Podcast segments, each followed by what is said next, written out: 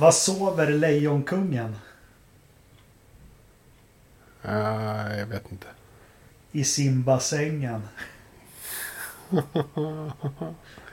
Den har jag faktiskt hört. Mm. Ja, ska vi ta en gammal goding då? Ja, alltså Anders måste också komma in i matchen. Han ser inte riktigt nöjd ut över Simbas. Eh, Vad gör, vad gör tandläkaren på lunchen? jag vet inte. Käkar! Käkar. Det är klart han gör käkar på lunchen. Anders, Kom igen nu Anders. Kom Löfström. Det svänger ju. ja, Vad är de? vilka, vilka, är mest, vilka är mest aktiva i skogen? I skogen? Mm. Flitmy, flitmyrorna eller vad Nej. fan? Träna. Myrstackarna. Träna. Ja, de Träna. tränar. Ja, skit i det.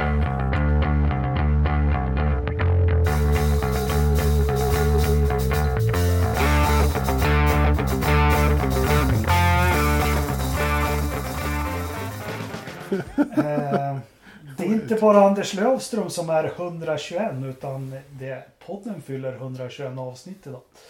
Och det... Hur ska vi fira det då? Det är Lövström, Ridderstolpe och Engelmark i vanlig ordning och alla mår bra. Eh, vi firar in det 121 avsnittet med att prata lite om Sir Lewis.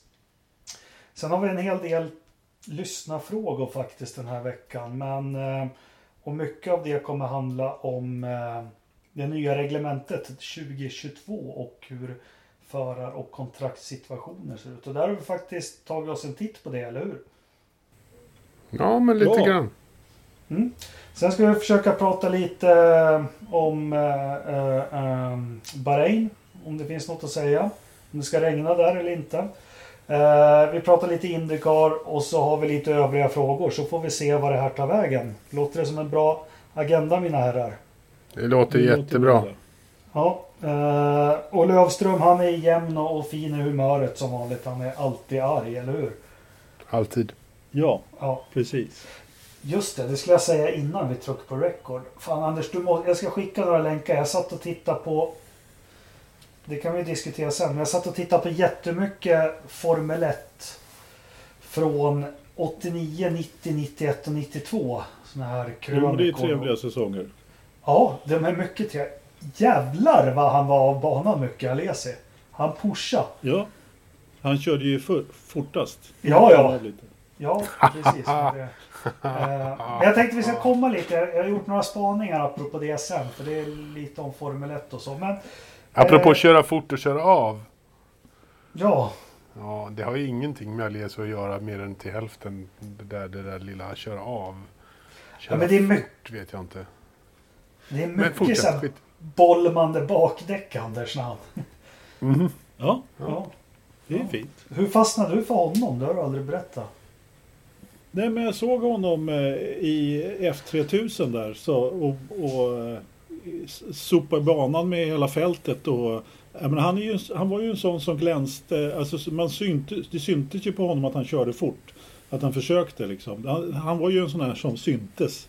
Mm. Eh, liksom det, man, om, om det var ett bil med, med liksom 15 bilar så såg man direkt vilken som var Alesi eftersom han var ju till vänster, till höger, han var ju liksom över hela banan. Han skulle bara framåt. Och, och, och, Och så- var ju alltid halvvägs ur cockpit också när han tog en kurva. Ja, lite så.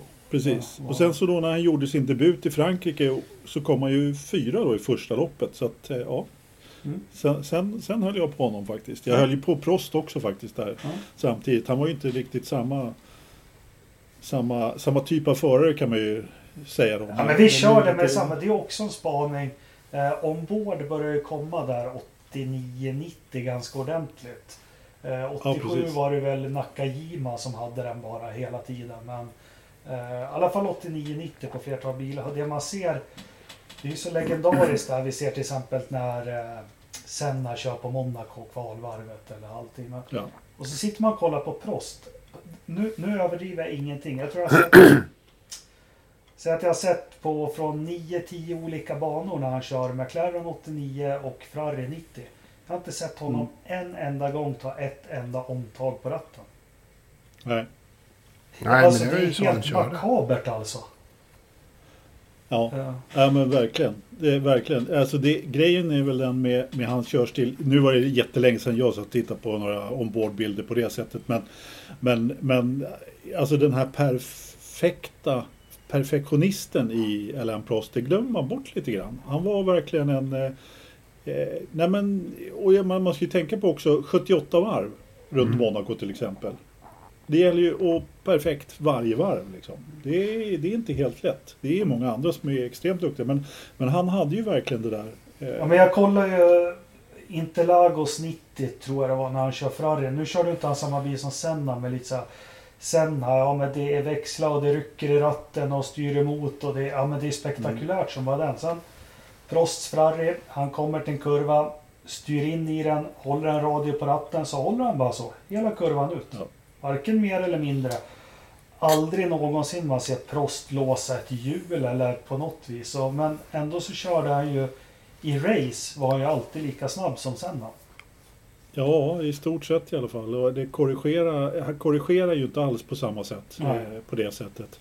Men, men eh, jag vet inte, det var väl Ron Dennis som eh, döpte honom till professorn som hans smeknamn var. Och det var väl så anledningen till att hans körsätt var som var, han säger ju det lite, lite nu att jag menar, alla de här datasimuleringarna som man gör nu för tiden.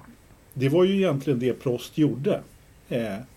Han var ju liksom en, det var ju det Ron Dennis menade med att han var professorn just att han bearbetade ju alla den här, all den här inputen. Eh, på det sättet som man gör nu i dataprogram mycket, mycket mer. Och eh, det, var, det var han, jag, jag vet inte om han var först, Niki Lauda var ju väldigt framme där också och, och kanske en föregångare. Men, men Prost han kom ju där och var kanske ännu värre på, på något sätt. Och, Men du hade ju, och det är väl främst där turboeran på 80-talet att eh, många av de här, ja, du nämner Lauda, och det var väl Prost lärde sig av Lauda, men sen hade du även Jo. Nelson Piquet var en sån som alltid jobbade med att ha en bra eh, ja, bil till loppet. Just det. Ja, nu hamnar vi lite ur kurs så, men... Eh, ja, Ja, men eh, det, det, det, det är en ganska bra jämförelse för just det där med att ha en bra bil till loppet. Ja, men nu har de ju en bra bil till loppet. De vet hur de ska göra. Mm. Därför att, och det är ju lite grejen också att jag menar, nu ställer de ju in bilen för att den ska vara bra i loppet. Så, och sen så kompromissar de med kvalet lite grann i och med att de inte får göra så jättemånga ändringar. Så att, Men det handlar, det, det, det handlar ju ja. dessutom som, om de här två dagars helgerna som jag tycker att det faktiskt var ett Ja. ganska lyckat experiment som jag gärna ser, ser mer av för att nu var det väl var det inte regnlopp eh, dessutom så att det blev ännu lite mer så här eh, ja, Imola. eh, chansartat sådär så att, men kan. Men, eh, men liksom, jag gillar ju när det, är- när det är två när de inte har hur mycket tid som helst på sig att ställa in bilarna och liksom hålla på och, och liksom fixa allt sådär. De har så mycket data ändå över alla banor hit och dit så att det är liksom inte... Eh, Ja, och det är svårt att begränsa all den här ja, datan det som, går ju som inte. de Det är har naturligtvis. Mm. Med risk, och, risk att låta som en gammal sten, men jag saknar liksom... Det var ju så sent som på 90-talet. ja, Men föraren ute och kör några varv och sen så in i depån och han viftar med armarna och händerna och så står någon och tänker och så Ja, kanske eller tar hur? bort ett varv på fjädringen, spänner krängan lite i bak, mjukar upp den i fram, ut och kör igen. Ja, det där saknar jag lite faktiskt. Ja, men det är lite det Och som, de- jag, som jag är ute efter. Liksom, att det, att, Ja, att alltså, du inte de- ska de behöva gör de något- perfekta eh, inställningarna Ja. från dag ett.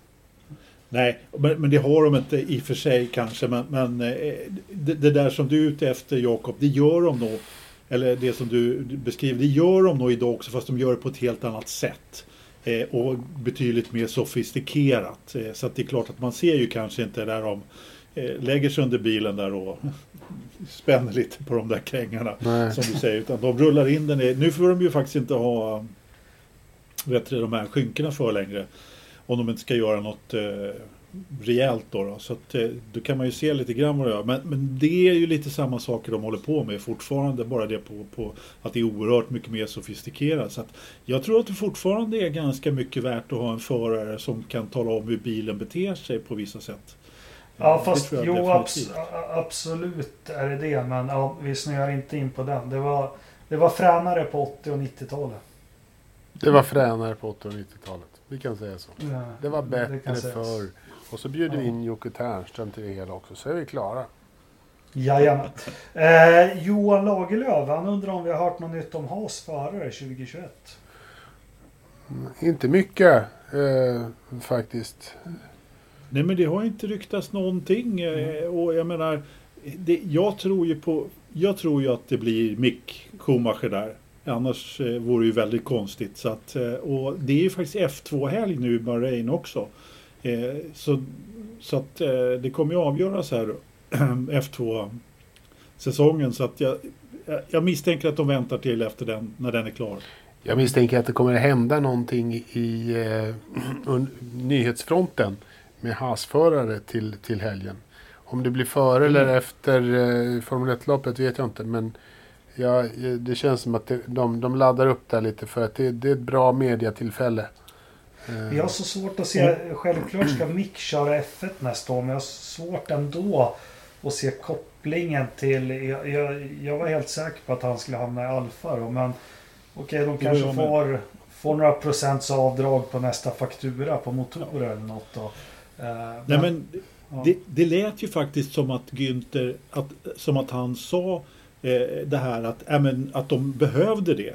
Eh, så har inte Günther uttalat sig förut. Alltså han, han, han snackade ju verkligen på det sättet som en stallchef gör som vill ha lite mer eh, betalförare. Och det har inte han Förhandling. gjort förut. Så att det, det gör ju att eh, jag tror mer på Mick än vad jag gjorde tidigare. För jag är också helt säker på Alfa där. Men sen Fast betal, Sen se betalförare är ju Mazepin eh, som, som betalar eh, av de två mest. Jo, jo, jo, jo, men- men fortfarande så får de ju då lite, jag menar, Mm. Mick, han- han åker ju, han får ju inte betalt utav Haas om han ska köra där, utan det är, han är ju en Ferrari-förare som i så fall får betalt i, eller Haas får, liksom, som Jakob sa, lite rea på motorerna. där, Mm. liksom. Så vi får väl se. Men eh, vem, vem tror vi i andra stolen där då? Mazepin. Sergio? Ja, måste... Nej, jag tror, jag tror inte, jag tror inte Perez kommer dit. Eh, De, de har liksom försökt att köra det där. Nu, nu kommer de att köra Mick och de kommer att köra Mazepin och de kommer att ha den setupen i två, tre år åtminstone. Eh, för att se hur det, hur det rullar på. Faktiskt, tror jag. För de, de vill ha lite yngre och eh, Sergio Perez är inte den typen av häst de satsar på just nu. När de har kört liksom Romain Grosjean i fem år. Och det hjälpte ju ingen. Så då kände de att då, då börjar de om. Och så kör de, kör de yng, yngre förmågor istället och hoppas på det. Ja, Jag så skulle, tagit, jag skulle tagit Slims pengar och satt Tjecko i bilen lätt. Om jag var Günther. Ja, men jag skulle gjort det. det Ja, alltså, frå, frågan är väl hur mycket eh, hur, hur plånboken skiljer sig från, från Ryssland och från Mexiko. Liksom. Om, om den ryska plånboken är avsevärt mycket större så är det jättesvårt att säga nej till honom. Ja, men, eh, sen är det ju faktiskt så att Perez inte är ett framtidsnamn. Men Nej. alltså jag är... är jag, jag skulle inte vilja påstå att Mazepin är det heller. Eh, faktum är att om jag fick välja mellan de två så skulle jag ta Perez också. Eh, det, oavsett vilka pengar Mazepin kommer med. För han är en helt jävla hopplös förare faktiskt. Men det är nog Gene, görs- men det är nog Gene Haas som avgör en del där också naturligtvis. Hur mycket, hur mycket han Det- vill det- satsa på det här. Precis, precis. Det är hur mycket han... Eh, och tar man maximalt eh, med pengar, ja men det är klart att då ligger nog Mazepin i, i klart högre eftersom han är, vill in i F1. Ja, Eh, Ja, sen men- har nog. Perez med sig rätt bra med spons- Men det jag skulle komma till i alla fall var i alla fall att Perez. Jag gillar inte Perez som förare. Han, nej, han är, han är inte min favorit överhuvudtaget. Men titta på VM-tabellen. Killen Ja. var borta i två lopp och han ligger liksom fyra efter Verstappen. mm. Jag menar, han, han är ju den som är, liksom ligger i vinnarhålet för att ta hem den där. Ja, men han- han- Bästa av resten. Liksom. men det måste man ju också ha med i ekvationen när, när man Exakt. väljer förare. Så att du måste ha någon. Bara för desto mer poäng stallet plockar, desto bättre pengar får man från FIA och allt det här. Och desto mindre pengar måste du liksom investera själv nästa år. Och desto mer pengar liksom, som du får av honom. Alltså det, allt det där hänger ju ihop. Liksom, Jo, men det är den diskussionen jag har framfört om Marcus i Formel 1. Alltså han var bra, men när det låg en åttonde plats på bordet så tog inte han den. Perez är en sån som tar den. Ja, det gör han ju. Eh, Är Och det de- en och de där pallplats på två bordet poängen så är det Perez och inte Stroll som tar den. Alltså, ja. Ja, jo det, det borde det ju ha varit liksom. För att Stroll tar inte den, den åttonde platsen. Han, han, han slutar elva. Lite, Ja. som, lite som Marcus gjorde liksom. Men Stroll har mer pengar. Eh, och, och en pappa som äger stallet. Men, men ja, det, Ja, vi- jag vet, det är, det är liksom. Det är svårt Men- men- att komma runt det här. Svaret på Johans fråga det är att det är ingen nytt om oss förare. Anders, eh, John, Jon Karlberg undrar en sak som går till dig. Han fick inte med frågan förra veckan så den kommer igen. Vem tror du Anders står som segrare i, bäst av resten med tanke på tre ökenrallyna som kvarstår? Förare och stall. Ja, det behöver väl inte bara jag svara på kanske, men om man tittar med, med tanke på det vi snackade om alldeles nyss då, så är det ju så att press eh, har ju vinnarhålen med, med och, och Leclerc som skuggar. Och Ricardo därefter. Ricardo fick ju dåligt med utdelning nu senast, men alltså jag, jag måste ändå sätta min, mina pengar på Leclerc faktiskt. På Han Leclerc? är på något sätt, ja. Va? Han gör ändå så pass mycket skillnad i den där bilen. Att han är där och han tar de här eh, Han tar de här poängen som behövs. För att han ska kunna eh, Eh, klämma till. Han hade en bra i- bil i Bahrain för ett år sedan. Ja. Alltså, det är, så som säsongen har sett ut också nu är det helt omöjligt att veta e- egentligen var bilarna passar. Nu, som sagt, Renault passade ju, var ju inte riktigt med i Turkiet. De kanske funkar jättebra på eh, Shakir. Så att, så att Ricardo kan vara med i den där kampen också. Men det är trots allt den här ytterbanan också då. Mm. Ska vi tänka på. Som ingen har kört på. Och nej, men jag tror ändå på, på att Leclerc på något sätt eh, sticker fram näsan där och, och tar den där fjärde jag ska inte sucka för jag kollar nu. Han har ju 97 poäng. Tror Ja, han hade det- 70 ja. poäng eller något. Så det... Nej, men han, Nej, är, han nej, är- nej, han är ju med där, absolut. Det är inget dåligt. Så här, det, det är svårt. Om man ska välja sen då mellan Perez eller Ricciardo så vill jag ju egentligen så vill jag ju Ricciardo. Men det är så otroligt svårt att säga var Renault-bilen passar bra och inte. Det är mycket Ja. enklare att välja Perez för, för den, det, Racing Point-bilen passar ju passar ju mycket bättre på de flesta banor. Den är mera allround än Renault-bilen är. Ja. Sen är, det upp till, sen, upp till, sen är det upp till Tjecko att göra ett bra lopp. Ja, men ska vi spela på en häst var av de här? Vem, vem slutar fyra i, i VM? Ja, då, då får ju Anders Leclerc, jag tar Ricciardo och du får Perez. Okej, ja. Eh, då, jag, skulle jag få gardera så skulle jag nog tagit Leclerc jag fick tänka lite. Men eh, Ja, men Ja. det har ju redan tagen som fan. Det var ju Ja. tråkigt. ja, Halvgardering. Eh, så ska vi se att eh, kle- klämmer till och Eller hur? med fy, fy, fyra andra platser, eller säga, tre andra platser och går om dem allihop. Men, Nej eh, men på, på, men, som, på men, men, stallsidan där. men som team, precis, det var det jag tänkte. Där tror jag att McLaren kommer att plocka bra med poäng nu. Ja, eh, men om man tittar på, eh, nu gjorde ju Vettel faktiskt ett bra lopp då i, i Turkiet, men annars så har ju faktiskt Ferrari har ju inte en chatte där egentligen. Och, och, eh, eller jo, det har de, men, men de har i alla fall egentligen, det är ju Leclerc som har tagit poängen. Och, och Racing Point så är det faktiskt Perez som har tagit poängen, även om, eh, vad heter han, Stroll har ju eh, Han har hjälpt till lite ibland. sprattlat till ibland. Men i McLaren så har ju fakt faktiskt Norris och Sainz, de kanske inte har varit helt jämbördiga, men de har tagit poäng båda två. Det skiljer ju bara en Och i poäng Renault mellan dem. Så. Ja, men precis. Och i Renault så har ju eh, Ricardo tagit massor med fler poäng. Men om, om du säger McLaren så säger jag Racing Point då.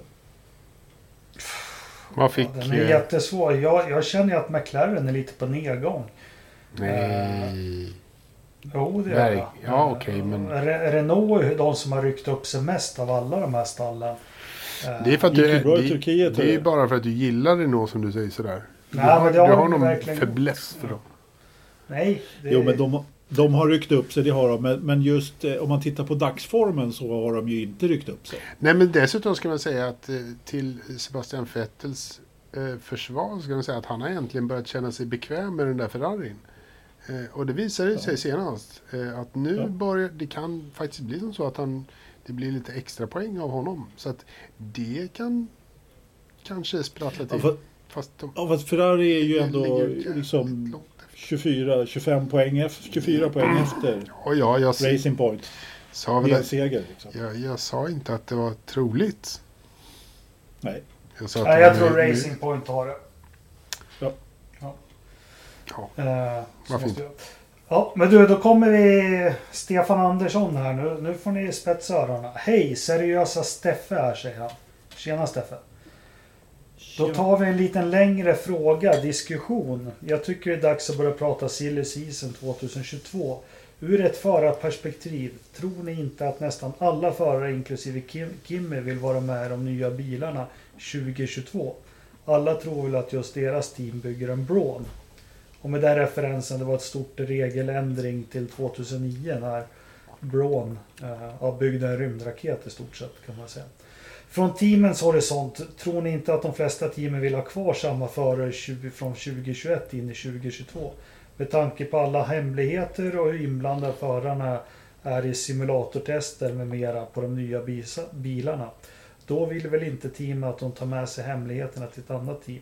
Detta kan ju vara anledningen till att Lewis och Toto inte är överens. Lewis vill kanske sluta på topp 2021 med åtta titlar och bli oslagbar. Samtidigt som Toto vill ha honom i den nya bilen, eller vad tror ni? Och snälla, låt podden svara först. Kommentera gärna efter podden sänds. Vi sammanfattar det här. Det är att dels titta hur ser kontraktssituationerna ut eh, i respektive stall inför 2022 när den stora regeländringen är. Och det tänkte jag, det ska vi dra för det har vi faktiskt tittat på lite innan. Eh, sen är det lite spekulationer hur man eh, resonerar kring ja, att man vill ha kvar förare och så vidare. Men ska vi börja med att titta lite på hur det ser ut i stallen och det vi vet och det vi har fått fram för 2022. Ja, men varför inte? Vill du börja, Ridderstolpe? Nej, eftersom jag inte Nej. har en dator framför mig så är det jättesvårt att börja. Ja, då får Jag Anders åka ser, dit och jag ser, liksom, Ja, jag vi- ser vi- Anders som sitter och tittar på datorn jättemycket där nu och funderar. Vi börjar med Alfa Romeo då och där är det inga som är under kontrakt för 2022. Eh, nästa år kör ju Kimi ihop med eh, Giovinazzi. Och eh, en av frågorna var, tror ni inte de flesta förarna vill prova det nya reglementet? Jo, jag är så romantisk så, så jag tror att det är därför Kimi hänger i. Han vill testa att köra de här nya sen också, men ja. Eh, det finns i alla fall inga förare för 2022. Så, Ja. du tror att, så, så du tror att Giovanazzi och Kimi fortsätter över nya, nya sortimentet? Jag har ingen aning. Jag kan inte se vem som ska in. Nej, det, det är jättesvårt att se vem som ska in. Ehm, det fin- men det finns ju andra. eh, jag tror inte att Kimi bryr sig. Alltså Kimi är inte föraren som bryr sig. Han, han skiter fullständigt i regelförändringar och sådär. Han har varit med om det förr. Han bara, ja, ja, det är en regelförändring. What's the big fucking deal? Liksom, det, det är en bil att köra. Är det skoj att köra den? Ja, men då kör jag ett år. Är det inte skoj att köra? Ja, då skiter jag i det. Eh, liksom. All, hela hans, i, hans inställning är ganska enkel till, till att köra Formel 1. Om han tycker att det är skoj att köra och eh, stallet tycker att han är en okej förare som får köra deras bil, då kör han ett år. Annars så, så släpper han det och han kommer inte ligga sömnlös en natt över att släppa sin Formel 1-karriär. Jag, mm, mm, mm. jag tror inte att det här bytet i reglementet eh, påverkar jättemycket förarna faktiskt. Däremot så tror jag precis som han skrev där i frågan att eh, det som kan påverka är ju förare då som byter stall inför nästa säsong och hur mycket de har hunnit se utav eh, utvecklingen och, Fast och den, hela det den, den kan vi släcka direkt. Det är så mycket annan personal du kan Den, värva. jo, jo, men, Ja. jo, men grejen är ju så här också att nu för tiden Så för det första så, ses, så är ju reglementet gjort så att det ska vara väldigt lika.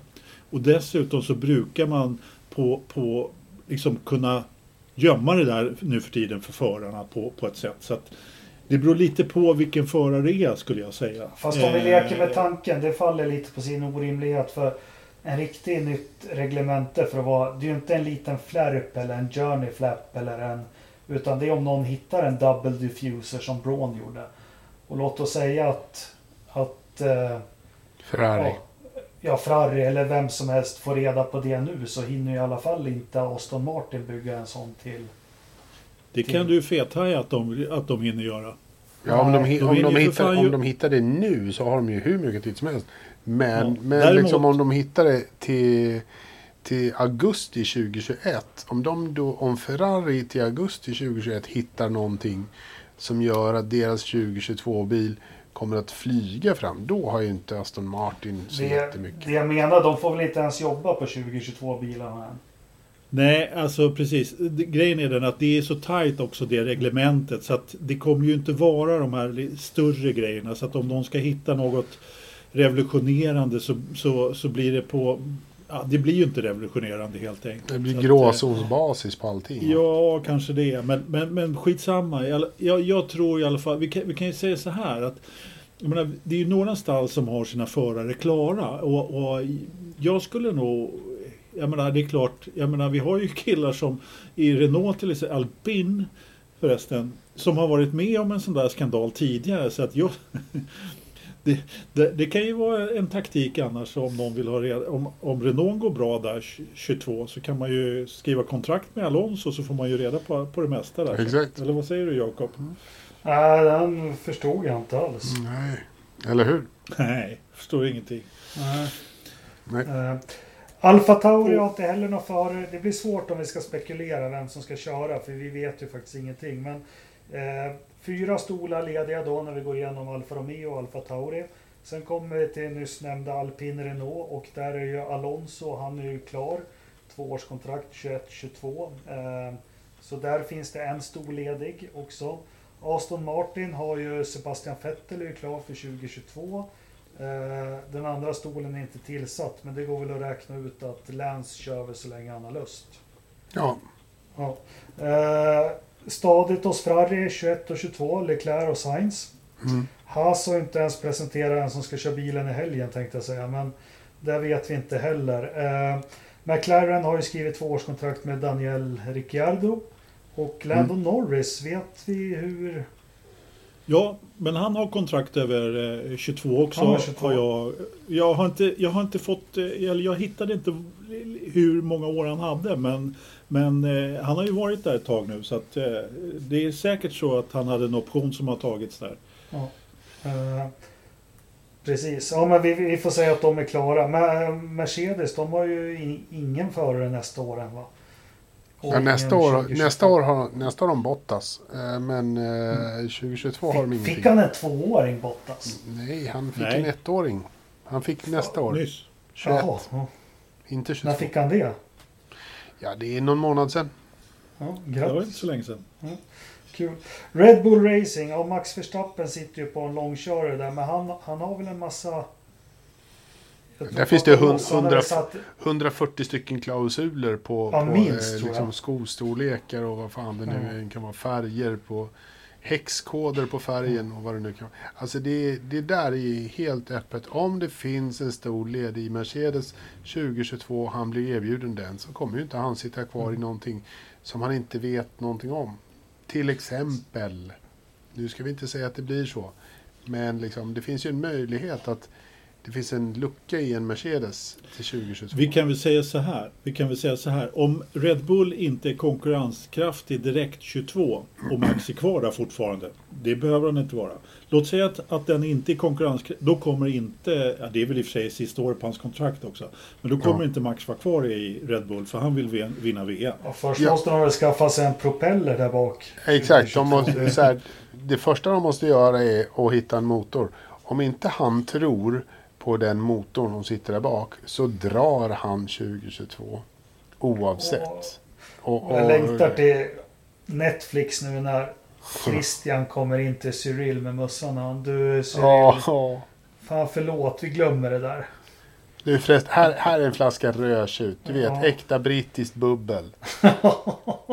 Just det. Bubbel, rödtjut. Fan också. Förlåt. Nej men du äh, får en pint lager här då. Ja, Brittiskt lantvin får han ge honom. ja men En pava, en pava gin. Ja, precis. Ja, Nej men eh, kom igen. Alltså jag tror inte på att Red Bull kommer att köra med Renault. jag, Jag tror tror ju inte de inte kommer det. vara...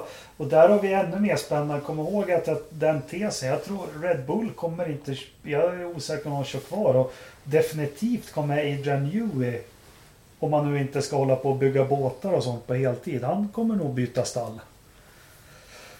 Ja, Jo, på det. han kommer nog vara mycket, ha mycket med Aston Martins design 2022 att göra tror jag. Alltså det där är inte helt omöjligt eh, eh, att, att han gör. Ehm, vi har varit inne på det tidigare och jag, jag, ser, det, jag ser det som, som en möjlighet. Jag ser det inte som lika bombsäkert som Jakob. Men jag, men jag ser att det, det finns en, en möjlighet att Adrian Newey tar, tar utmaningen med Aston Martin. Och inte minst lönen med, med Aston Martin. Och så Det- får han det vara tror och jag. rita någon sån här gatbil Ja. lite som Gordon Murray fick jag ha. Ja, men När man lite så. helt på Formel 1 så kan de gömma honom på någon teknikavdelning där i biltillverkning. Så, ja. Ja, jag Och tror att han kan får gömma inte sig glömma var som att han har en son också som säkert kan bli hjälpt fram i, i karriären av... Ja. I- Jakob, Ja. igår natt så drömde jag att jag träffade Gordon Murray, tog en selfie som jag skulle visa för dig sen. Men Mm. fan, vad- Men skicka den då. Skicka den då. Ja, Kom igen. det blev suddig. Ja, men fan. Eh, men sen har ju Williams, de har ju inte heller eh, några förare klara för 2022. Jag tänkte på Max Verstappen. Jag, jag tänkte, vem fan var det som myn, myntade uttrycket the little shit? Olle. Det var våran kamrat Olle Danielsson. Mm. Jaha, jag trodde, jag trodde det var någon förare som sa det. Nej, det är Olle Nej. Danielsson. Nej, det var en, en Forza-kompis. Vi satt nere på kvällen när vi var i Monza ett år och eh, pratade med eh, några holländare. Ja. På, på, på Olle på lite stapplig engelska. Då myntade han uttrycket. eh, You know the little shit. Precis. Det- På hotellet vi bodde bodde det dessutom stallpersonal från Red Bull. Ja men Stefan, det är väl bra fråga eh, tycker jag. Och, och det är väl så långt vi har kommit. Sen är det ju svårt där det är du ute efter med, med, med nyckelpersoner. Jag tror det finns fler nyckelpersoner i stallen förarna som man vill åt eller som man skyddar beroende på vad eh, i en sån här situation. Ja, alltså det, det man ska tänka på också inför 2022 där, det är ju också det här eh, kostnadstaket som kommer till då. Som, eh, som, som eh, ju ännu inte då, det börjar ju diskuteras nu om man, om man ska inkludera förarlönerna och att det ska bli ett kostnadstak. Jag, jag, jag har inte riktigt hunnit följa den debatten riktigt hur, hur beslutat det än är med förarlönerna. Vet du det Riddersson? Nej, det ska inte vara några löner inne nu i alla fall. Men vad, jag funderar på vad ska de lägga taket på då? Nej men de har ju lagt taket på precis allting annat. Det är redan klart. Det är klart sedan länge. Ah, Ja, det taket som ja. Ta, undantag- men taket är väl 175?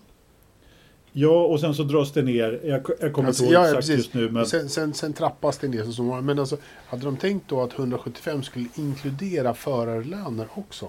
Nej, nej, nej, nej. Utan, men där, de, har, de har diskuterat att, att det ska finnas ett tak för förarlönerna också. Ja, okej. Eh, så att säga. En, en annan. Men, men, men själva utvecklingstaket eller liksom budgettaket för Formel 1-stallen det exkluderar ju, exkluderar ju de tre eh, nyckelpersoner i stallet, eh, motorutvecklingen och förarlöner. Mm. Så, så att, eh, ja. Jag vet inte, det, det kostar väl någon miljard att dra runt ett sånt där stall ändå liksom. Men Ja. ja, det, det, Men eh, jag funderade, medan du svamlade nu Anders, så funderade jag lite fort där med regeländringar. Och något som ofta nämns det är att eh, vid en regeländring så är ju chansen att Formel 1 blir mindre statiskt. Alltså att man, ja, eh, andra får chansen att komma ikapp på något vis. Jag, jag råkar Mm. tänka fort på nej. stora och små regelförändringar som jag börjar for, följa Formel 1. Uh, eh, och den största regelförändringen kom inför, så länge jag har följt Formel 1, det kom inför säsongen 1989. Man förbjöd turbomotorer. Eh, och vad hände då? Nej, men de stallen som, som var bra 88, de fortsatte att vara bra 89. Ja, men det där är ju helt fel faktiskt. Det, det har ju till och med Toto sagt eh, ganska tydligt och, och, vem vet om inte han så att säga.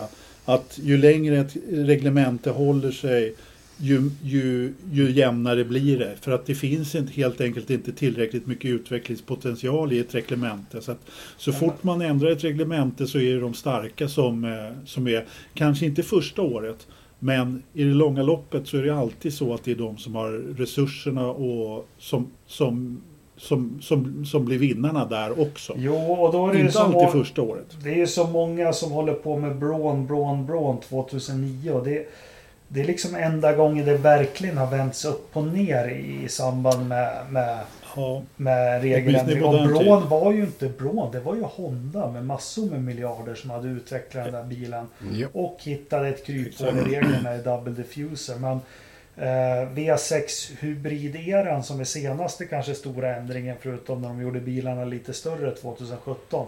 Mercedes var ju inte pissdåliga året innan. nej, nej. Nej, nej, nej. Vi, hade, de en- vi hade en definitivt inte. regeländring från 94 till 95 som var ganska stor när de eh, eh, ja, där det var tre bilarna blev- liters motorer istället och de sänkte bakvingarna och, och gjorde bilarna Just lite det. mindre och så. Ja men det var ju Williams och Benetton precis som säsongen innan. ja. Eh, Jo men det är ju så. Eh, Jag menar, det, det, de som är eh, liksom de som har resurserna och kan utveckla och bara gör det på rätt sätt. De, de, de fortsätter att vinna på den här typen. Mm. Nej, och jag menar, de som också har resurserna och är, är liksom de är ju också väldigt snabba på att förändra sig. Mm. Och liksom klarar av den här typen. Jag menar ett, ett stort stall som Mercedes, ja, de kan ju sätta av en hel avdelning och börja jobba med nästa års bil eller liksom börja fundera på framtiden, hej och hå, ditten och datten och där. De har ju redan vunnit VM. Eller Men alltså för... litet stall, Ja. lite stall liksom, de, de kan ju inte börja med, med fokusera på nästa. Nej men som det är så modern. Peter nu, ju, ju större och starkare du är så kan du hålla två tankar i huvudet samtidigt. Det är väl det Mm. som är resursfrågan. Men, för att Men å andra sidan, så det är ju lite spännande då om man tänker sig eh, budgettaket. För att då kommer ju den här eh, utvecklingsracet att jämnas ut väldigt mycket. För då kan väl inte Mercedes Ja. ta en hel avdelning och sätta på 2023-bilen un- efter halva 2022. För de känner sig ändå så komfortabla med att den är tillräckligt bra. Bara för det blir det inte, får man inte den konsekvensen också?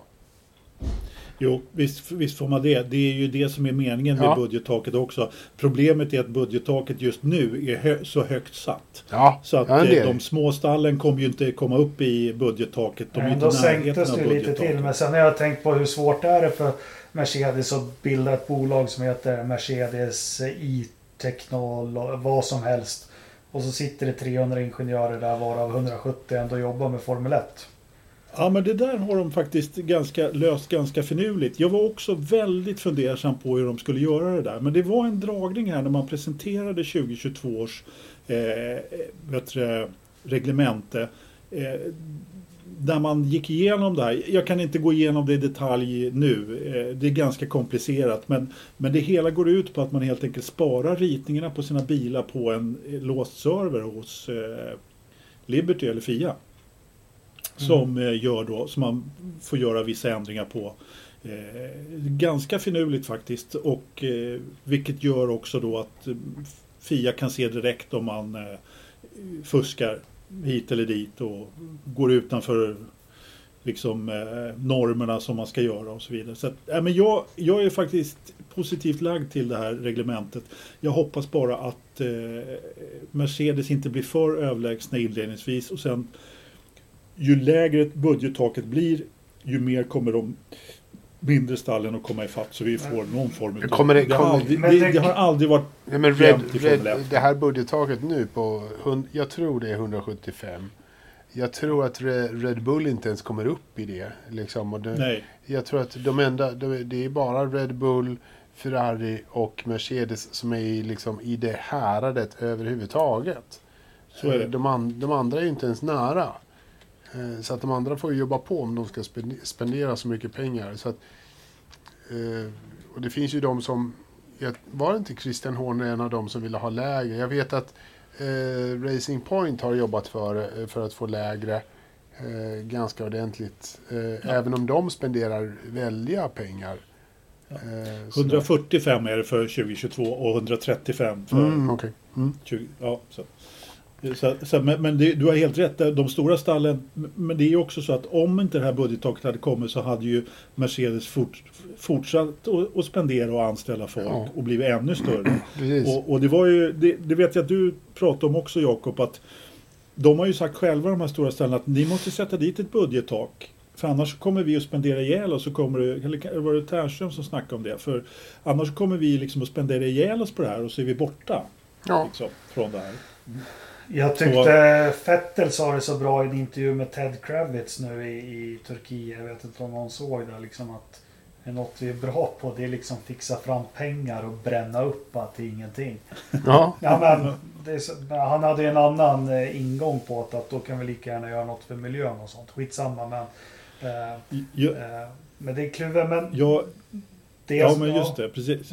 Ja, Eh, för jag, jag måste bara dra min favoritanekdot med Sean Tott. Det har jag säkert dragit den hundra gånger förut, men, men den är så jäkla bra. Jag kommer inte ihåg vilket år det var, men det var ett av de första åren med Schumacher i Ferrarin. Så får jag han frågan då eh, vad deras budget är för året av en eh, F1-journalist. Och han svarar jo den är 100 procent. Mm. Ja. Varpå jo- journalisten frågar en gång till. "Ja, Men vadå? Vad, vad menar du? Men hur mycket pengar gör ni av med? Den är 100 procent säger Sean Vilket ju, och, så, och, och sen så, han sa det också på ett sånt sätt som att nu behöver du inte ställa några fler frågor gubbelilla liksom. Mm. Och det betyder ju helt enkelt att så mycket pengar som han ville ha för att bygga en vinnarbil, det fick han. Ja. Klart Ja, slut. liksom. Det var meddelandet. för att komma åter till min 90-talsforskning här och, och det väl liksom Alltså när Ronny gick till, till Lotus 73 från March så var det ju för att ja, de hade Colin Chapman men Lotus hade ju mycket mer pengar och kunde utveckla. De kanske kunde ha nio stycken anställda i fabriken istället för tre. Ja. Så problematiken har ju alltid funnits. Det som dock slår mig som är det tråkiga med Formel 1 som man måste... Allt, allt är så utstuderat nu. Allt är liksom in i minsta detalj så jäkla... Och det har ju med datakapacitet och, och program att göra. Men det, finns ju inte en möjlighet att ett stall nu till Bahrain som redan kanske kunde ha hänt 1990 att oj, nu fick March till någonting just på den här banan och ta en pallplats. Det Nej, tycker jag det Jag vet inte hur man ska rätta till det, men för att jämföra. Det är ungefär som att oj, Williams kom på nu så Russell kommer kvala trea och ja. Nej, den tiden är nog förbi. Ja, Ja, men det är är, får- jo, men det är den och det är inget, det är inget konstigt med det. Det är liksom, vi är 2020. Fast det är synd, det är jäkligt synd för det... Jakob, det, det, ja. kom in i matchen. Glöm 70-talet nu. Klipp Nej, men- sångerna. Ja, fast... Nej, jag tycker det är jäkligt synd och, och mycket kanske ett, ha ett däckkrig igen. För senast det hände, nu är inte det för att jag är på Damon Hill, men det är egentligen Ungern 97. Hux flux, helt plötsligt så kvalar han trea och så hittar han något i loppet han höll på att vinna. Eh, jo, men alltså jag, jag håller med dig. Men jag måste ändå säga att jag tyckte ändå att eh, förra helgen så hade vi ändå ett ganska... Eh, då hade vi en ganska stor omvälvning ändå. Eh, jag menar när eh, Lewis kvalar långt ner, Lance Stroll på, på pole och, och, och det är ändå... Sen vann ju Lewis med en eh, mil ändå då, men, men ändå, det var ju ändå... Det hoppar ju ändå omkring lite grann. Det var ju ändå ett uppfriskande lopp ändå. Och det är på något sätt så man får se det, tycker jag. Så. Ja, en liten brasa piggar upp. En liten brasa piggar upp. Eh, nu är det någon som har stängt av frågetråden som tyckte vi skulle bara ha fyra frågor. Det var Ja. jag det. Ja. Jag menar, vi kan ju inte ha fler frågor när vi har slutat podda. Eller? Det var- ja, Nej. När vi ändå snackar silly season så kommer ju Mercedes få en ny tredjeförare. Det är alldeles riktigt. Stoffel van Men- Dorn har fått, eh, fått no- göra något annat. Ja. Så då har vi tagit in Esteban Gutierrez istället. Känns inte det nytt och fräscht? Fräscht. Ja. Alltså, det- men jag menar, van Doren han var ju ändå inte påtänkt för att köra.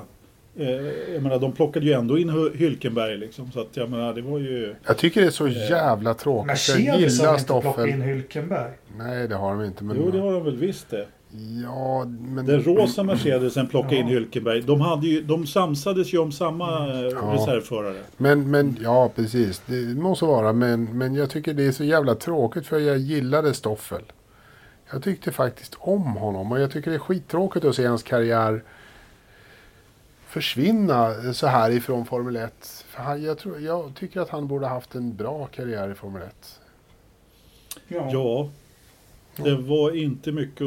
Nej, han, han, eh, han blev en parentes i F1-historien faktiskt. Ja, om ens det. Mm. Helt klart. Ja, ja, jag menar, ki- killen kan ju köra bil. Jag menar, han sopar ju banan i F2 eller GP2.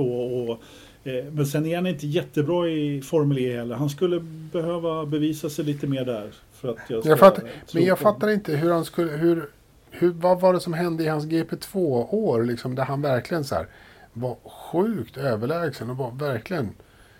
Var, var det något speciellt som hände med liksom, honom och den bilen eller? Nej. Sen hamnade han bredvid Alonso. Jo, Vi har jo, väl visst. liknande. Nelson Piquet Junior hade väl också en sån här jättebra efter. Så liksom hände inte. Vad jag- Kovalainen körde väl aldrig. inte så, alltså så här, herregud. Inte som Alltså, Van Dorn. sto- alltså, Mm. han, hans GP2-säsong var ju historisk. Ja. Mm. Stoffel, han var ju... Han, det kanske var helt enkelt så att han dominerade lite för mycket. Han fick kanske inte tillräckligt med, med mothugg där. Han, han, det bara flöt på en räkmacka ända in i Formel 1 och McLaren signade ju honom ganska tidigt också. Så Vilka andra förare var med det året i, i GP2 som, som tog klivet upp? Som har tagit klivet upp till Formel 1 sen. Varför kan det vara som så att det var liksom pissigt motstånd som gjorde det att han var så otroligt överlägsen? Nej, det var inte så dåligt. Jag kommer inte ihåg det just nu. Jag ställer mig på pottan. Ja, jag ställer dig rakt på, eller i pottan faktiskt. Vilket år var det här då? 2017 va? Eller? Kanske. Nej. Nej, nej, nej, nej. Nej, det var tidigare. va? Ja, mycket tidigare. Det 15. måste ha varit 14. Eller Var 15. det 14 till och med? Ja, precis. För det är, det är ju det är liksom en möjlig förklaring då att, att eh, själva motståndet till GP2 inte var av någon vidare klass har det visat sig. Och därför så hade han en sån helt makalöst bra säsong. Alltså han, han, det fanns ju inte, eh, det var ingen som hade en sportmössa mot honom det året. Nej, Han körde Ja, mot äh, men- sopor som Alexander Rossi, eh, Rio Harianto, Sirotkin, Pierre Gasly. Ja, precis. Alex Lynn. Jean Gelell var ju ingen eh, stjärna i och för sig. Jordan King, Mitch Evans, Markelov var ju inte heller Marcel och Gustav Latifi. Malja. Gustav Malja körde jag också då. Eh, Ja, det är men inte de precis. starkaste namnen jag ser här på Wikipedia eller som kanske har gjort något väsen av sig efteråt. Nej, det är, det, är, det är det kanske inte. Jag måste bara fundera på vem han var egentligen mest utmanad. Men alltså Gasly var ju med trots allt. Sirotkin Eh. var väl ändå hyggligt med där uppe va? Han kom trea, Ja, Rossi kom mm. tvåa. Mm. Ja, precis. Chicotto Junior var ju där också. De honom har jag nästan glömt bort faktiskt. Men, men Rossi... Ja, han har ju en bra karriär i och för sig i Indycar då. Ja, Så att, Sirotkin ja. kom lite... Ja, Det kan ju, det kan, då kanske vi kan sluta oss till som att det var väl ett halvbra gäng det året. Och Alltså han- det var ju ingen eh, Russell Leclerc-säsong, det var det ju inte. Nej, nej precis. Men, Men, det, eh, men den är ju inte en ovanlig Formel 2-säsong ändå. Bara för det är ändå liksom, det är lite så det brukar se ut. Alla har inte möjligheten att vara Leclerc, Russell, eh, så här batalj. Så Nej. det, den är ju inte, Nej, he- den är inte helt ovanlig som säsong. Och ändå så slår han ju skiten ur de här. Alltså varför kör inte han Indycar då? Varför, kom, varför hamnar inte han där? Ja, det, Kunde han inte Nej, bara... det känns på något han- sätt som han att borde- hans eh, karriär gick över ett krön där på något sätt. Sen, sen är det ju så att Formel E, det, där, de betalar ju rätt bra i Formel E har vi ju Mm. fått reda på här. Jo, Så att det är, han är förmodligen rätt nöjd där för tillfället. Det, ja det är han väl. Det kanske han är, Ja. men ja. Ja, det är han väl. Ja, ur, ute ur leken är han i alla fall. Ja. Eh, han dyker väl upp som tredje förare hos Ferrari eller någonting. Det brukar inte vara något Ast- konstigt. Aston Martin. Ja. Aston Martin, du vet. 12 olika förare på pallen under året. Har det någonsin varit fler? Ja, men det är väl klart det har varit det. Jag kan inte säga vilket år eller när eller var. Men eh, det måste Är du vara- säker? Alltså Ja, 12 jag är ändå ganska säker. många. Nej, det är inte så jävla många. Är det inte? Ja, men 3 gånger 16 ett normalt år. Vad blir det? 32, 48 pallplatser en normal säsong förr i tiden. Eh, nej, jag får forska i det, men jag kan väl på rak arm bara 2012, då var det ju sju olika segrar i första sju loppen. Ja. just det. Det pratades ju om en del då. Ja. Ja, det var det. Eh, vi hade ju Men, Pastor men, men Maldonado liksom, tog... ja, men, ja, precis. Han kanske inte var sådär jätteofta, men eh, Gasly har inte varit jätteofta heller. Eh, men, eh, men jag tänker liksom de topp tre. Ja, men förut var det ju att det är ganska nytt inte. det här att, att bilarna håller. Du får ju tänka på det. att Ja, Som förr i tiden, då var det ja, även om Mercedes hade en överlägsen bil så bröt alltid en. ja, men liksom Monaco 96. Ja, fyra bilar över mållinjen. Ja, liksom. men- det finns ju inte i dagsläget. nej, det Nej, men jag försöker inte. bara tänka fort hur jag ska kunna överbevisa det. Men, eh, jag vill Du- inte gärna slå på till- sådana frågor. Men Du, åt- du 82 får- är du- en säsong som måste varit otroligt många på pallen i och med att eh, han som vann VM, Keke Rosberg, vann ju bara ett, ett lopp. Mm. Eh, och, nej, men vi kollar upp det. Svårt att veta. Ska vi snacka upp ökenracet lite Anders? Berätta lite om banan i Bahrain.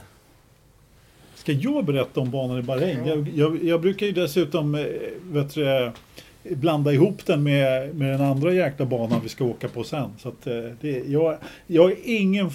Shakir-banan är inte min favorit faktiskt. En Långt raka, ifrån. en kink och så en högfartssektion. Och så en Typ. hårnål och så pang. Ja. Kanske en chikan om vi har tur. Ja, men det brukar bli rätt bra race där faktiskt. Det kan det bli. Det kan det bli. Ja.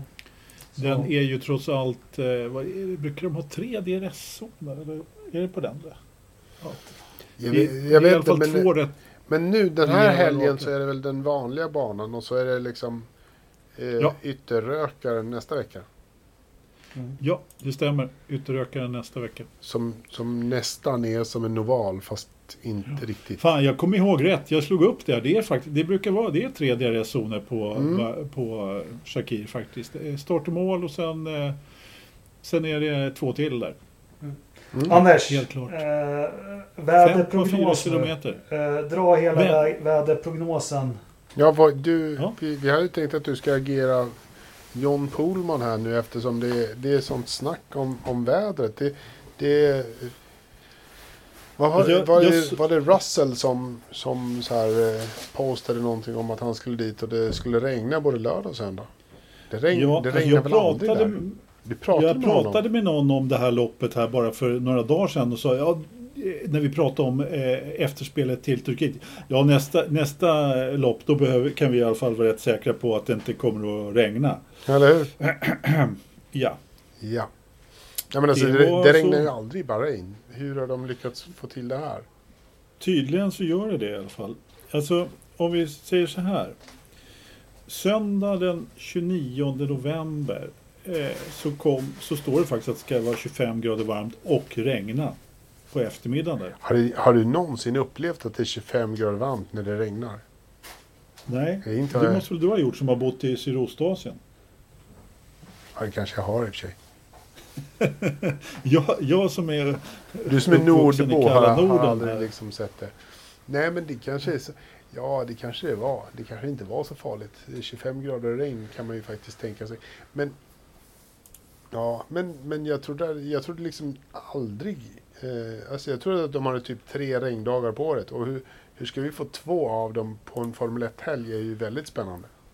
Ja, då, enligt eh, väderleverantören som jag tittar på här så är det faktiskt inget regn på lördagen utan bara på söndagen. Ja, men då Sen måste du upplysa jag- mig om vem är det som levererar väder? Om du har en leverantör av väder, den jäveln vill jag Det är ha klart snabbt. jag har. Den är lite hemlig faktiskt. Så jag Kan kan, man inte, jag kan inte muta dra honom så man får en bra juli? Eh, det, det, Eh, vi, ja, vi, kan berätta, ja. vi kan säga att juli blir alltid bäst. Får vi betalt då? det, det går att muta fast han är dyr som fan. Men jag måste nästan kolla när loppet går lokal tid. Därför att eh, det är väl... Nu ska vi Ja, se. just det. Det är klockan tre svensk tid. Ja, men precis. precis. Och frågan är ju då när det är lokal tid skulle jag vilja veta. Track time, race 17.10, ja precis. Då kan jag meddela mina damer och herrar, det blir regn på söndag. Ja, det... Ja. Det var liksom så här, när jag bodde i den här eh, asiatiska provinsen så var det ju nästan på klockslaget klockan 15 som regnet kom.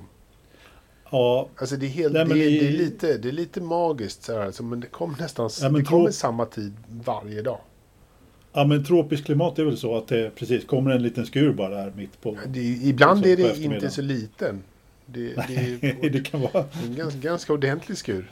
Men Men nu är vi inte i tropikerna, nu är vi ta fan i öknen. ja, det är därför som jag är lite fundersam på hur fan de får regn överhuvudtaget.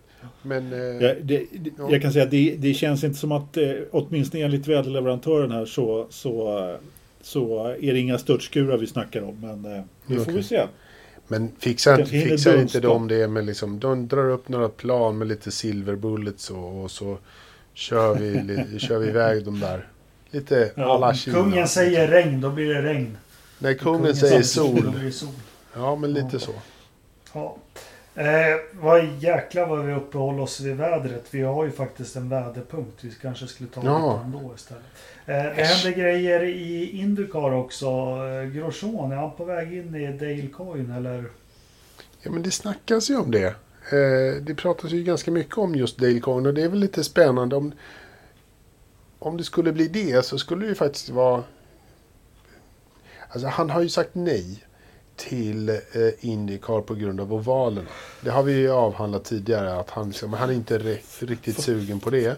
Och det kan man ju Fast förstå. nu, nu är han arbetslös och, och ser att det, att det var kanske inte så många Eller hur? i alla Nu, åh, titta, det var ju var det tre. Mm. Ja. Men vad fan, man kanske skulle... Indy 500 är ju ändå liksom en cool grej. Ja, är ju rätt ballt. eller hur? Och så, så, så har han ändå liksom haft...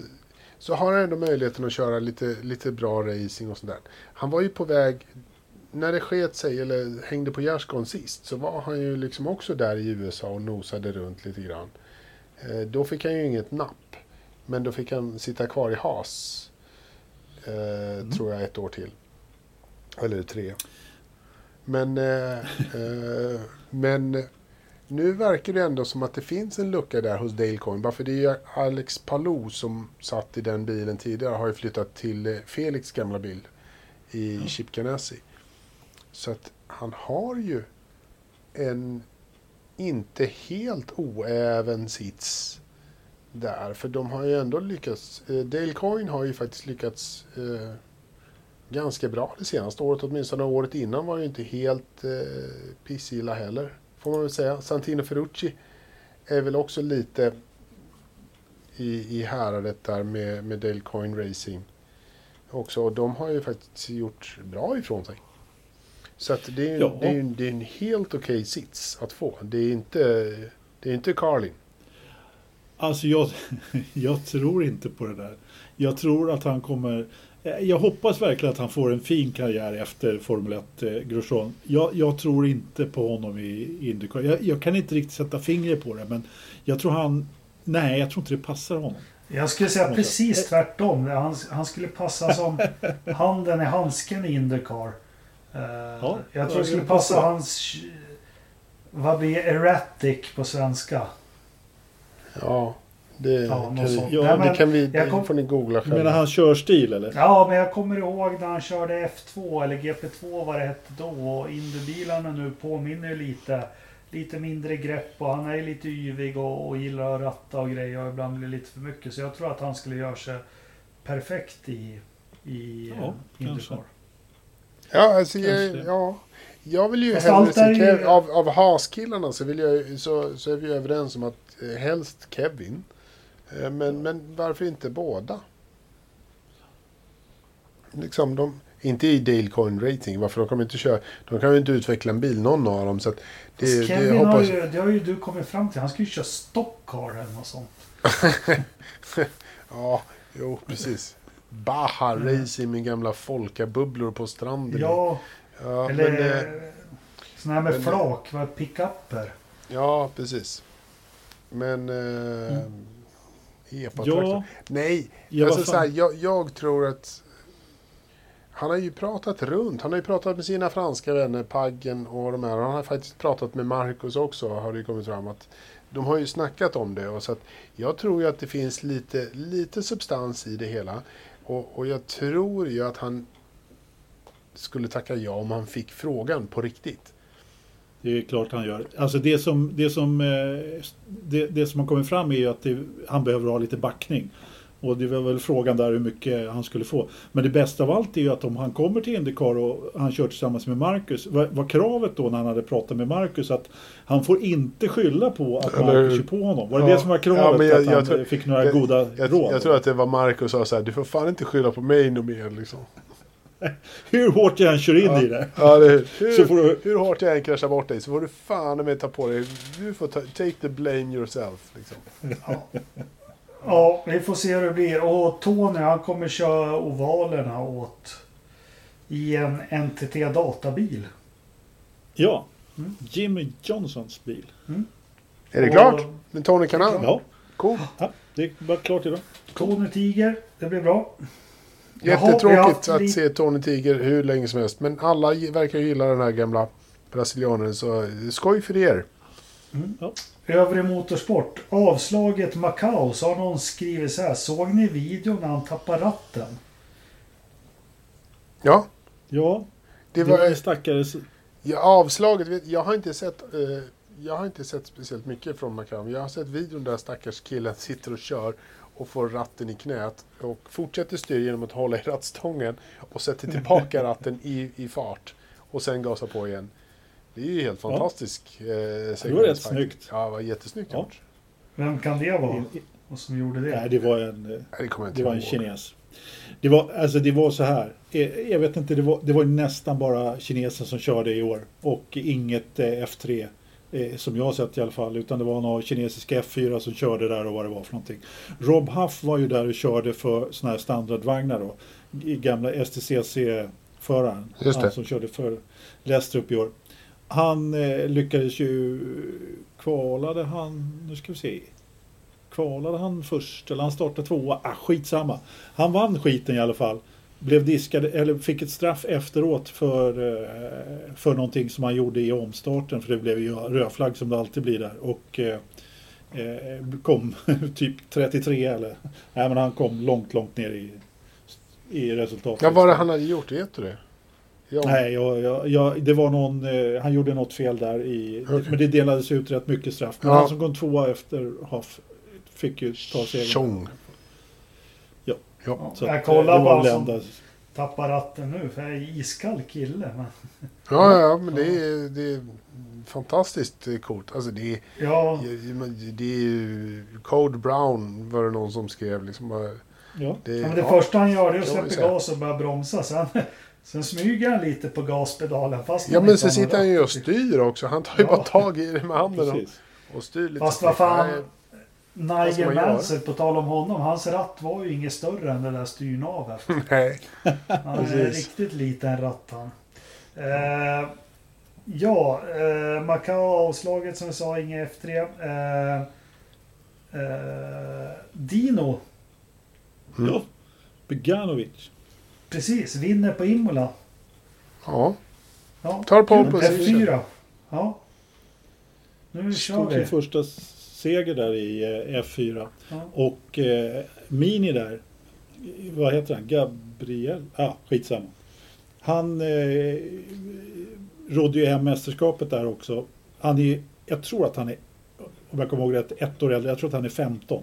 Mm. Ja. Den killen kommer vi få se i eh, en Ferrari-bil.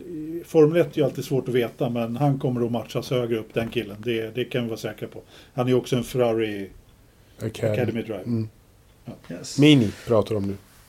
Jag är också Miljö. lite över i motorsport. Jag delade inlägg och det är lite MotoGP. Ni såg han stackaren som halkade av. Han Ja. var ju till och med på, det var ju till och med på alla nyheter. Det var ju på SVT överallt. Där ska vi snacka Code Brown. Ja, Ja, eller hur? Ja. De är ju helt galna de jävla i- men motorcykelförarna. just jag fattar inte för han ligger och glider där rätt fint. Sen helt plötsligt börjar han krypa och sprattla. Och jag han är ju inte kopplad förrän jag såg att ja, men nu kommer Nej. de över krönet där de andra. Eller hur? Oh, Men å andra panik. sidan så, är- så är de ju så otroligt eh, eh, säkra på det där. De är, de är ju eh, riktiga. Så att de, jag tror att de, de ser honom och de, de kan nog köra runt honom ganska säkert. då, Bara han hade stått stilla. Liksom, vilket, vilket är det stora problemet när man ställer sig där och så här. Fan, stå stilla. Det, det vill man inte göra. Man vill ju bara därifrån. Ja, eh, liksom. Ja, det var riktigt läskigt. Ja. Jag kom på en, en dålig historia när jag hörde när du snackade om komma över. Vet du vad irakierna sa när iranierna kom över bergen? nej. Kommer ni? Kommer ni? Ja. Ha, ha. Titta, vi har, fått dig, vi har fått dig att dra pappaskämt också. Det är ju fan... Det är, jättelustigt. Jag tillbringade gårdagskvällen med att diskutera med en, en god vän som är född och bodde i Iran. Eh, Pratade just om ayatollan och Khomeini där och hur han kom till makten och allting. Och så skämtar du om det idag för det var ett gravallvarligt samtal. Det är Det var klart. lite dåligt spelsinne av dig Anders. Ja, det var det. He- Helt klart. Nej, skämt Det är, jag, jag har också en god vän som är, är perser, eller, från Iran. All, all infrastruktur, alla motorvägar, allting är byggt före 76 eller när det var. Ja, precis. 79 kanske. det blomstrar. Jag läser jättemycket om det persiska riket nu. Det är ja, skit i det. Eh, Det finns ett djup även i Engelmark, vad ni än tror. Eh, veckans förstappe här, Ridderstolpe. Har du någon? Spänningen är olidlig. Nu får du lägga Ja. in sån här du, 10 000 Du- kronors frågan. Ja, just det. Men jag, jag kan inte... Jag kan inte säga 10 000 kronors melodin liksom. Veckans Verstappen. Vad är det för vecka? 47? 2020. Ja. Har ingen veckan Verstappen för att det har inte varit något vettigt att, att klaga på. Nej, Nej, nej. men har du det? nej, tydligen inte. Nej, Det det, har det vara- inte. Vad, vad Det skulle det som, vara? skulle vara han som kraschade i MotoGP och inte kunde flyttas innan de kom farande över krönet. Då. Ja, jo. Aj, aj, aj. Nej, men nej. Det, det, det finns ju bara bra saker att berätta. Dino gjorde bra ifrån sig. Killen blev inte påkörd av massa motorcyklar. Ja. Ja. Romain jag- Grosjean jag- kanske går till Dale, Dale Coin. Jag måste få ta en... Har har du någon Verstappen. Jakob? Ja, det har ingen med motorsport att göra. Nu Nej, kommer han. Nej, men du får ju Nej. tänka på blä, blä, blä, blä. Men när jag för första gången i mitt liv ska vara med liksom på en presskonferens med statens högsta krisledning som ska meddela något skarpt. Ska du det vara här är ju där? samma som förra veckan. Nej, jag ska vara med och titta. Jag ska titta på den. Ja, men du Alltså, hade ju jag- det här förra veckan att det var så jävla dåligt. Ja, det. Ja. Ja, Så om du ska ha någon veckans Verstappen så får du fan tänka ut Ja, en men den var fan lika fort. dålig. Ja, men eh, Nej. nej, vi, vi låter det vara. Det finns så mycket annat tråkigt runt om i världen. Så det... Jag, jag tycker, Ja. ja. den här veckan har jag faktiskt ingen. På riktigt. veckans förstappen den här veckan. Jakobs minne. Ja, förlåt. Inte bra. Ja. Ja, Eh, jag tänkte nästa vecka har vi lite Formel 1 att snacka om. Vi har ett lopp, eh, kanske lite övrig racing också. Eh, ja, vi får se vad det blir med vädret och vi får framförallt se om det blir några nya förarpresentationer i HAS och, annat. Men lyssna in nästa måndag också. Vi avslutar med vädret i Idre. Det är minus 5,6, 23 procent fuktighet inne. Det har regnat 42,20 mm och vindriktningen är 0. Vad har vi då för temperatur i sovrummet? Den är 21,4. 20... 21. Fan, nu körde du om mig Ja. på upploppet där. Ja. Jag skulle säga 21,7. Ja. Fel. 20,5. Ja, Med den samhällsviktiga informationen så avslutar vi Forsa-poddens avsnitt nummer 121 och tackar alla lyssnare och på återhörande om ganska exakt en vecka, eller hur? ja, men pretty Ja. much. Ja, Tack för att ni lyssnar. Ha det bra. Klok en idiot. Hej då.